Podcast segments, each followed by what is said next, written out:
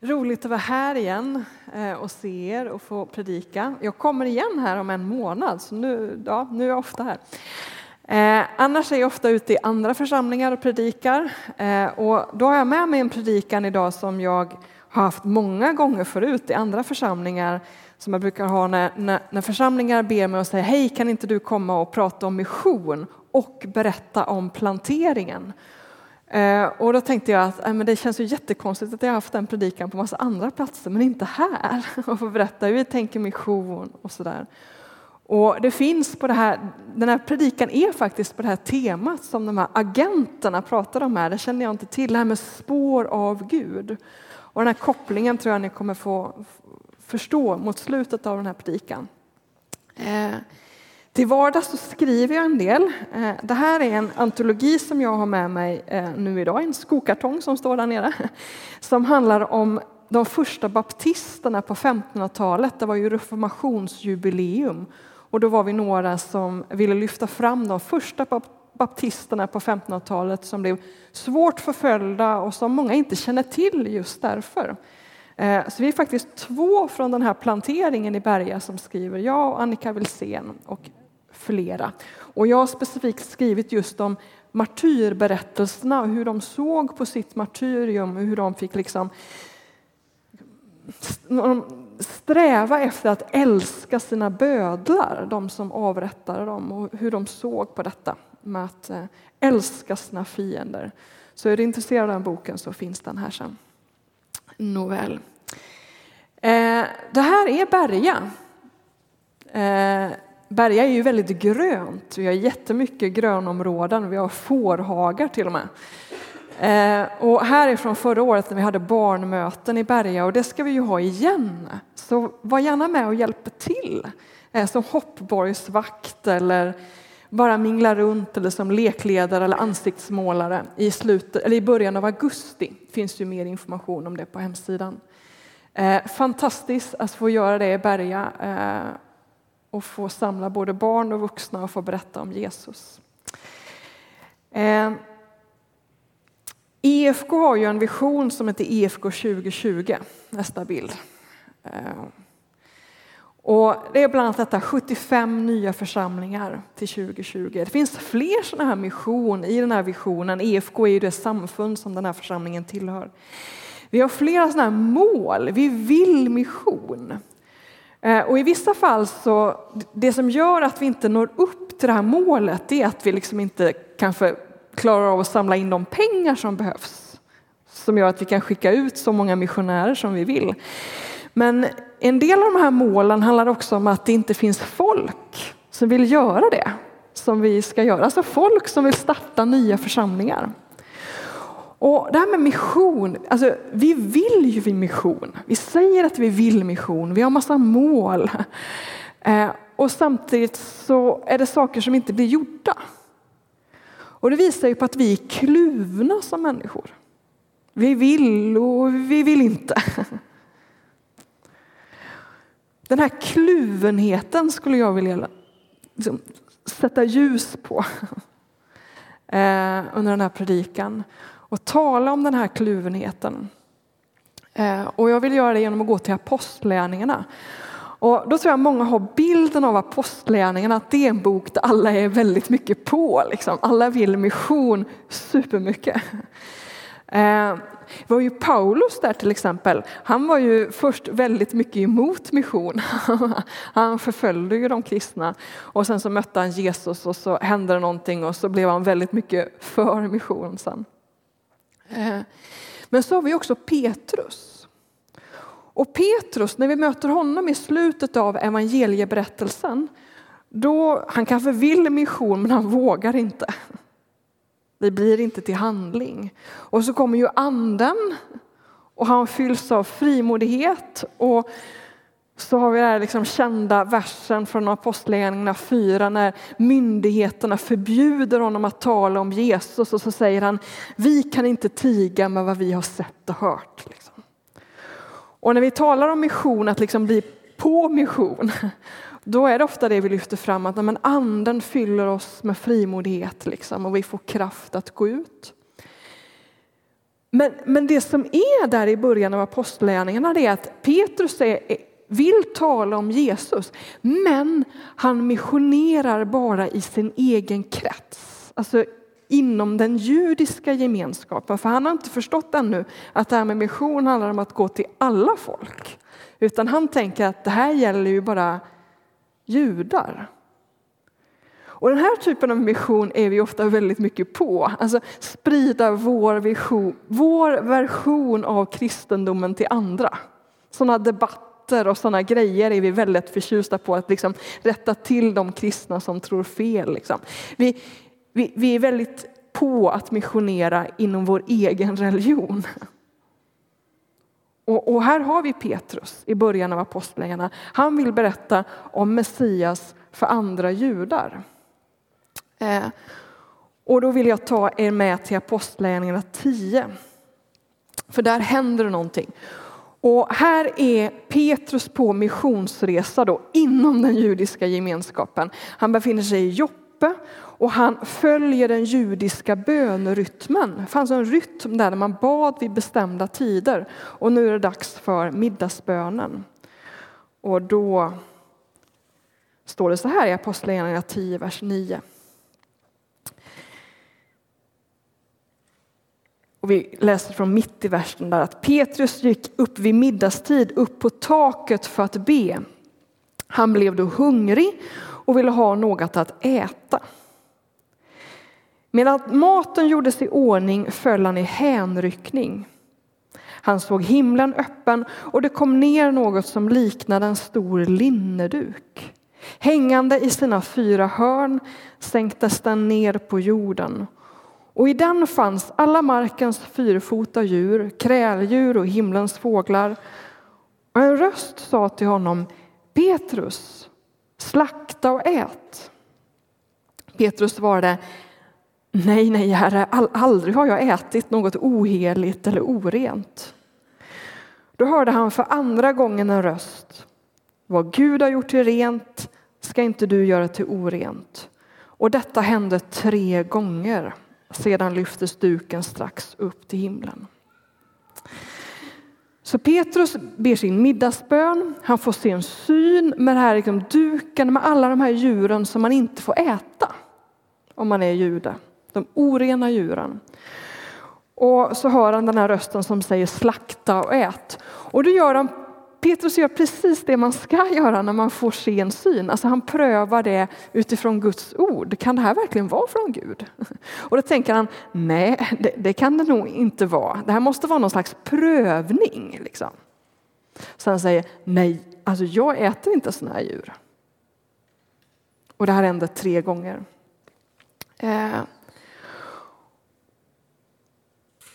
Och sen så hör han någonting annat och då inte från himlen utan han hör att det knackar på dörren. Eh, och någon liksom frågar, finns det någon som heter Simon här som kallas för Petrus? Och då hör Petrus en ny röst från himlen som säger Här är tre män som söker dig. Gå genast ner och tveka inte att följa med dem. Det är jag som har sänt dem. Och så går han ner och mycket riktigt, det är tre män där nere som söker honom. Och de vill ta med sig Petrus till Caesarea, till en romersk officer som heter Cornelius. Och så blir det. Det dröjer lite innan de kan komma iväg. De måste sova över där, gå nästa dag. Eh, och jag tror att under den här tiden, liksom, den här natten, under promenaden, vandringen till Caesarea, så processar nog Petrus ganska mycket. Vad i hela friden var det här för syn och vad, liksom, vad ville Gud säga? Och så kan det vara med tilltal man får, syner, bilder. Det är inte så att polletten trillar ner med en gång. Man kan behöva liksom, vad, vad är detta? Och han tänker och han tänker och han tänker. Och så kommer han då fram till Caesarea och till Cornelius och då är det massa folk där för Cornelius har tagit med sig sina vänner och släktingar, det är liksom en folksamling där. Och så öppnar Petrus med, med eh, med det här kommer upp på väggen. Som ni vet är det förbjudet för en jude att umgås med någon som tillhör ett annat folk eller att besöka honom. Och så var det. Alltså, Petrus går nu över en gräns. Det här är inte okej okay. att komma och hälsa på en, en romersk officer. Och så säger han, men mig har Gud visat att man inte ska betrakta någon människa som ohelig eller oren. Därför kom jag utan invändningar när jag blev efterskickad. Och nu undrar jag, varför har ni låtit hämta mig? Så när han förstår att den här synen är någon slags Gud verkligen försöker säga, gå med de här människorna nu. Du får inte betrakta de här människorna som oheliga eller orena utan gå dit nu. Och så liksom frågar han, varför har ni hämtat mig? Eh, och då berättar Cornelius att han för några dagar sedan hade bett den judiska eftermiddagsbönen. Så Cornelius, han följer också den här judiska bönerytmen att be på bestämda tider. Och det visar sig att, att, att Cornelius är en, en hedning som söker Gud. Och så berättar han att vid den här eftermiddagsbönen så hade han också fått en syn. Han hade fått se en man i skinande vita kläder säga åt honom att skicka efter Petrus. Som till och med gett adressen till var Petrus bor. Eh, och då står Petrus där, liksom, okej okay, vad, ska jag göra nu? och då tänker han, ah, men det kanske är meningen att jag ska berätta om Jesus. Bra tänkt. Så han gör det. Han börjar berätta om Jesus och han hinner liksom inte berätta klart förrän anden faller över alla de här människorna som är i Cornelius hus. Och så börjar de tala i tungor. Och jag kan tänka mig att Petrus står där och är ganska förvirrad. Vad är det som händer? Och en del när man läst den här berättelsen så har man tänkt så här, okej, okay, när anden faller, då är det alltid så att man talar i tungor. Det, det är det som är tecknet på att anden är där. Men det mönstret finns inte riktigt i hela Nya testamentet. Eh, anden kan få liksom olika yttringar. Men jag tror, och många andra också, att det är som att här så, så gör Gud precis som vid den första pingsten för att visa Petrus att det är ingen skillnad mellan judar och hedningar. För, för vid pingsten då var det bara judar från olika språkgrupper, för det var judar som bodde liksom på olika ställen i romarriket. Det var bara de som tog emot anden. Och nu är det som att Gud bara vill visa, stryka under med sin, stryka under med sin rödpenna, bara det är ingen skillnad på judar och hedningar. Alla kan ta emot av Guds heliga ande. Det här med Jesus gäller alla. Så att liksom visa för Petrus, det här gäller de här människorna också. Och då tänker Petrus, alltså, om det här har hänt, då måste jag ju döpa dem också. Liksom. Klart att de ska med. Så han gör det. Och sen så kan man ju tro att kyrkan skulle bli jätteglad och tänka yes, liksom, nu har vi vunnit liksom, fler människor för Jesus, kyrkan har flyttat fram sina positioner. Men så blev det inte alls, utan de i Jerusalem blev jättearga. Det här med kluvenhet till mission. Alla är inte jättepå i apostlagärningarna. Ehm, så då står det så här i Apostlagärningarna 11, som jag inte kommer ihåg om det kommer upp på väggen. Ja, titta. Ja. Apostlarna och bröderna i Judeen fick höra att också hedningarna tagit emot Guds ord. Men när Petrus kom upp till Jerusalem ställde de omskurna, och det är kristna här, kristna judar, honom till svars för att han hade besökt oomskurna och ätit med dem. Och Petrus redogjorde då för allt som hade hänt. Så han berättar liksom, ja, jag bad middagsbönen och så kom den här synen och så kom de här människorna och jag gick dit och så föll anden och vad skulle jag göra liksom? Eh, och då avslutar han så här och vi läser vidare, vers 17 kommer upp på väggen. Och jag tycker det här är så fantastiskt. Sedan de kommit till tro på Herren Jesus Kristus har Gud alltså gett dem samma gåva som vi fick. Hur skulle jag då kunna hindra Gud? När de hörde detta lugnade de sig och prisade Gud och sa, så har Gud gett också hedningarna möjlighet att omvända sig och få liv. Alltså tänk att mission kan handla om detta. Hur ska vi kunna hindra Gud? Alltså, mission, själva det ordet mission, det betyder sändning. Det är latin och betyder sändning. Och då kan man ju lätt ha det i, i liksom huvudet att, att mission, det är som att Jesus står där liksom när han ger sin missionsbefallning och bara Hej då, ut i världen nu liksom och berätta om mig. Stå där och vinka, liksom, skicka bort. Men det Jesus säger i missionsbefallningen är ju och jag är med er alla dagar in till tidens slut. Och när vi läser Nya Testamentet och även Gamla Testamentet kan vi se att Gud går alltid före. Det är inte så att vi liksom, mission handlar om att vi är här i kyrkan och så packar vi ner Gud i en ryggsäck och så går vi ut liksom till världen och så möter vi människor och så tar vi fram vår ryggsäck och så titta här, här är Gud, vill inte du tro på honom? Men, men, den här berättelsen det är ju något helt annat. Det är liksom Gud som bara springer före och Petrus måste springa efter lite motvilligt. Och, liksom, och nu måste jag döpa de här och nu. Hur ska jag kunna hindra Gud? Det är ett annat perspektiv att se på mission. Och när jag avskildes här som pastor för snart nio år sedan så predikade jag utifrån missionsbefallningen så som den ser ut i Johannes evangeliet. Och det är när Jesus säger till lärjungarna som Fadern har sänt mig sänder jag er. Och det är en väldigt viktig text för mig. Liksom. Jag återvänder hela tiden till den. Och jag predikar då om det här viktiga ordet som.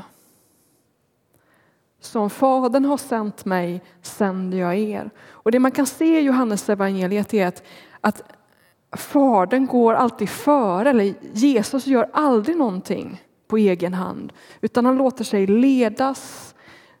Fadern visar vad han ska göra. Och de lever alltid förenade. Han säger att Fadern är i mig och utför sina gärningar.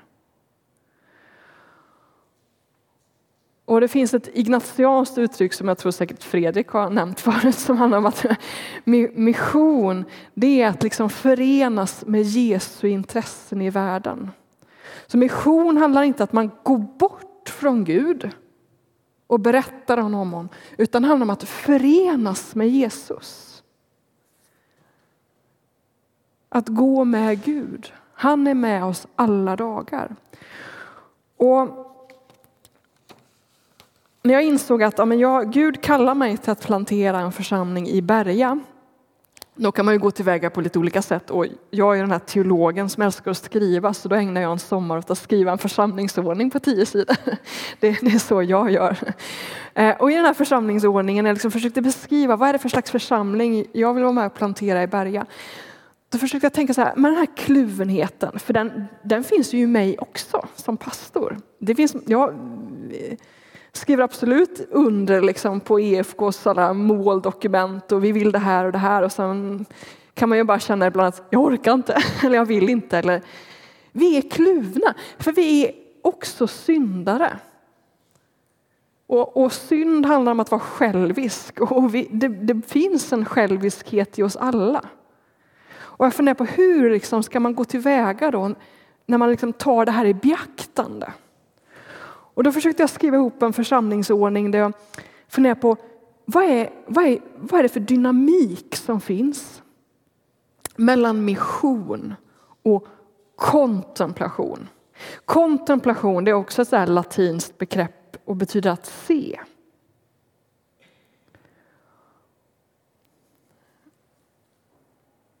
Att se. Alltså att söka Guds ansikte, att närma sig honom.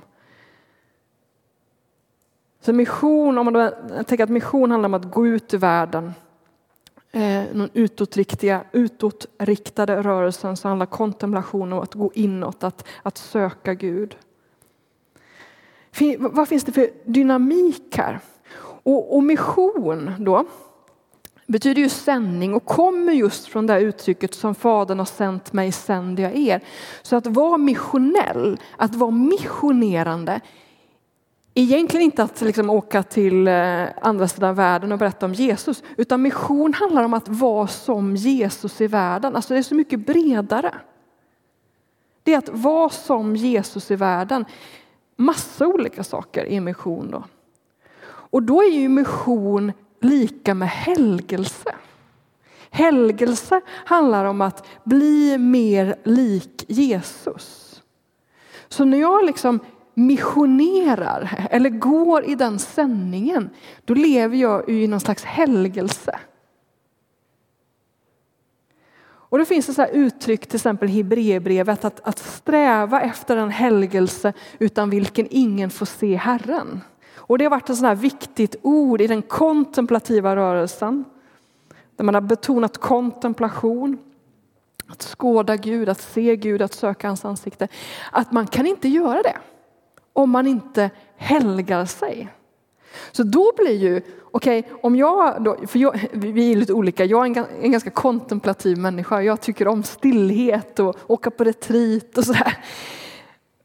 Då förstår jag att om jag ska få se Gud, då måste jag ju missionera. För annars helgas inte jag. Och då får jag inte se Gud. Så att här är ju mission leder till kontemplation. Och det kanske vi inte har pratat så mycket om. Att okej, okay, okay, vill vi uppleva Gud, vill vi se Gud, ja men då kanske vi måste ta steg och leva som Jesus, leva ett missionellt liv, för då får vi se Gud. Så det finns den, liksom, mission leder till kontemplation. Men så finns det också i Bibeln andra bibelord som talar om det motsatta, det vill säga att vi kan inte bli som Jesus om vi inte först får se honom. Till exempel andra Korintierbrevet 3 handlar om det. Att det som förvandlar oss, det som gör oss lika Jesus, det är när vi får se. Det händer någonting i det här mötet. Så då är det som att för att jag ska kunna vara missionerande, då måste jag ta tid för kontemplation. För då förvandlas jag och jag blir missionell. Så att det är liksom båda de här grejerna, mission leder till kontemplation kontemplation leder till mission. Och det där liksom försöker vi prata om mycket i vår plantering. Men så har vi också tagit fasta på någonting annat. Och det är att dels har vi den här kluvenheten, men det är också så att vi, vi lever i en tid där det finns så mycket som vill kväva vårt andliga liv. Det finns den här liknelsen om sådden som sås ut i olika jordmåner. Och då står det om den sådd som handlar bland tistlarna. Och det tistlarna gör det är att de, de kväver sådden. Det blir ingen sådd, det växer inte. Eh, och tistlarna enligt Lukas är rikedomar, nöjen och livets bekymmer. Där har vi liksom västvärlden. Vi bekymrar oss jättemycket och vi, har, vi är väldigt rika och vi har väldigt mycket nöjen. Och förr i frikyrkan, så, nu är jag lite slarvig, men så löste man det här genom att säga att, att alla nöjen är synd. Det var liksom ett sätt att få bort de här tistlarna. Men det är ju inte sant. Man behöver nöjen för att orka leva. Det kan vi se, de som bara arbetar på och aldrig tar tid för nöjen och vila, de springer rakt in i väggen. Vi måste ägna oss åt nöjen för att kunna leva. Men det får liksom inte ta över. Och då sa vi i vår plantering att vi tror att vi, vi behöver hjälpa varandra till goda vanor. Så vi har liksom en regel som vi utgår från. Det vill säga att vi lovar varandra att amen, varje morgon och kväll tacka Gud och då kanske en del äldre säger, men det är ju självklart att man gör det, liksom, att man ber på morgon och kväll. Nej, men min generation fick inte lära sig det, för vi fick lära oss att allt är fritt, gör som du vill. Jag fick inte med mig några rutiner liksom, när det gäller det andliga livet från mitt hem eller ens från min församling, utan det var gör som du känner för det. Men det då, då, bara, då, då kommer tistlarna kan jag säga, för man, man känner för så mycket annat. Eh, det behövs rutiner. Så tacka Gud varje morgon och kväll. En gång i veckan sätta sig ner och reflektera. Vad gör Gud i mitt liv och i min omgivning? Bara liksom fundera. Vad säger Gud till mig? En gång i månaden se till så att jag verkligen gör någonting där jag liksom stretchar mitt liv. Alltså, när jag tar ett steg på den här helgelsevandringen, gör en missionell handling som inte kanske ligger, lite, som inte ligger naturligt i mig. Utan jag bara bestämmer mig för att nu ska jag bli mer lik Jesus. Och sen en gång per år bekänna sin synd inför en annan. Som det står i Jakobsbrevet, att vi ska bekänna våra synder inför varandra. Så det är sådana här rutiner. Och det hade ju också Petrus. Nu går ni till landningar tillbaks till texten. Petrus hade rutiner, han hade den här bönerytmen och det gjorde, hon, gjorde honom öppen för den här synen. Hade han inte bett den här middagsbönen, då kanske han inte liksom hade fått se den här synen. Och då är det ju så att varje gång man har sin lilla bönestund så är det inte så att det kommer syner. Men ibland gör det det. Och då är det bra om den här rutinen finns, så att man öppnar sig för det där. Gud går före. Gud går före. Och det vill jag liksom avsluta med. Att mission handlar för mig i alla fall om att försöka se var går Gud? Vart är Gud på väg? Och det som liksom förde mig bort från Ryttargårdskyrkan till Berga var den här upplevelsen av att Jesus gick till Berga och var liksom inte här längre för mig. Och där jag kände att ska jag liksom ha kontakt med Jesus, ska jag liksom söka hans ansikte, då måste jag flytta på mig. För nu är Jesus i Berga. Och dit måste jag gå för att få leva nära honom. Och sen så upplevde vi som plantering att, liksom, att, att Gud sa, ja men det är de här människorna i Berga. Den här folkgruppen som vi vill nå, som, som, som, som jag går till. Och då tänkte vi, ah, det är ju en svår grupp människor. De, de är jättesvåra att nå. Och nu har vi varit där i tre år och jag väntar fortfarande på att liksom bli så överraskad som Petrus, liksom upptäcka att oj, liksom, här finns Gud och gör någonting. Och det betyder inte att jag inte måste göra någonting, för att alltså det Gud gör är att Guds ande har liksom utgjutits över världen. Gud har hällt sin ande över världen och Guds ande gör saker. Och det som är vårt uppdrag, det är att hjälpa människor förstå att det här du erfar nu, det är Gud. Det är Gud som har talat till dig. Det är Guds närvaro som finns här. Och, och när Gud går före, då blir det inte alltid kanske som man tycker att det borde bli. För det som till exempel hände när Petrus kom in till Cornelius hus, det är att Cornelius liksom faller ner på knä framför Petrus. Och då hade ju Petrus tänkt så här, vad är det här för liksom konstigt ställe? Och vad, hur beter de sig här? Och det här känns inte så kristet, jag går nu. Men han bara, nej men så gör man inte. Liksom. Man, man tillber bara Gud, man faller inte på knä inför människor. Och han får förklara så att när, om Gud möter din granne så kommer inte din granne knacka på och säga hej jag vill bli frälst. För de har inte det ordet. Och vi kanske har glömt bort liksom hur mycket av det kristna språket som har försvunnit i vår kultur. Det språk som finns mycket mer bland vanliga svenskar är liksom new age-språket. Och då får du inte bli rädd när folk använder det språket när de berättar om sina erfarenheter. Och när jag har haft den här predikan då i olika kyrkor så har jag faktiskt tagit en berättelse som jag hörde här på kyrktorget någon gång när vi hade någon serie om det här med andra religioner. Och nu vet jag inte, nu har jag berättat den så många gånger så jag vet inte ens om den stämmer längre.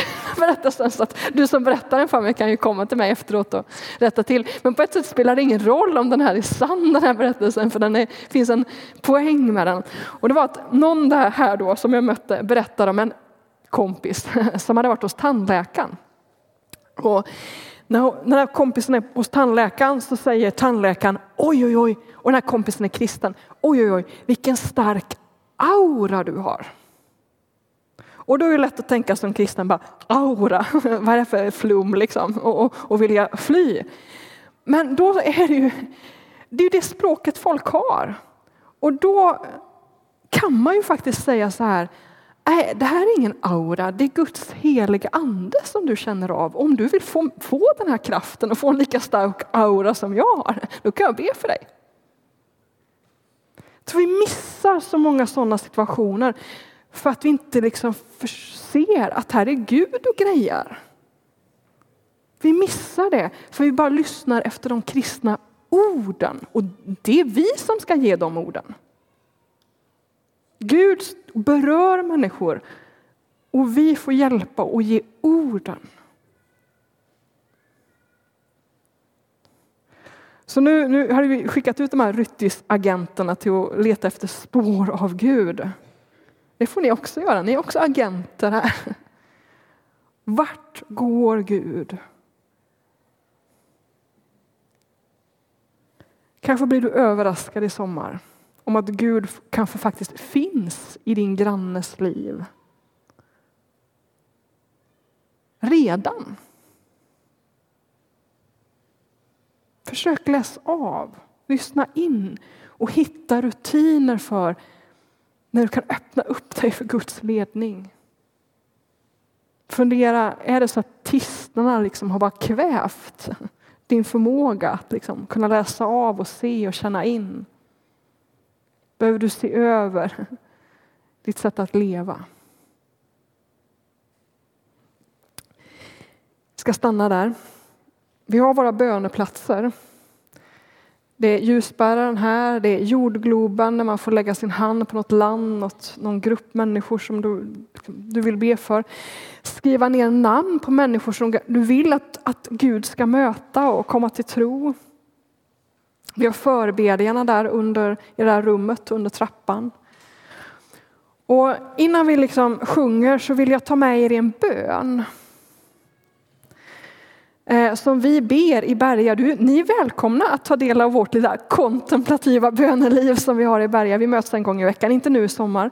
Men då ber vi en bön som jag tror jag bett här förut någon gång när jag berättat om Berga. Och jag har tagit med lite av den här så jag har redigerat den något så den passar oss. Och L står för eh, ledare, A står för alla. Och vi brukar be den här bönen och sen tar vi tid för fem minuters tystnad där vi just försöker lyssna in. Vad gör Gud? Vad är Gud? Vilka människor, vart går han? Så vi ber den här bönen och sen så leder Klas oss i lovsång. Låt oss be. Du som är upphöjd över allting. Du som steg ner och blev människa. Du som håller hela världen i dina händer. Du som utgjutit din ande över hela. Lär oss att se att du är mitt ibland oss och lär oss att se att du är närvarande i Linköping. Hjälp oss att se vart du går. Hjälp oss att samarbeta med dig.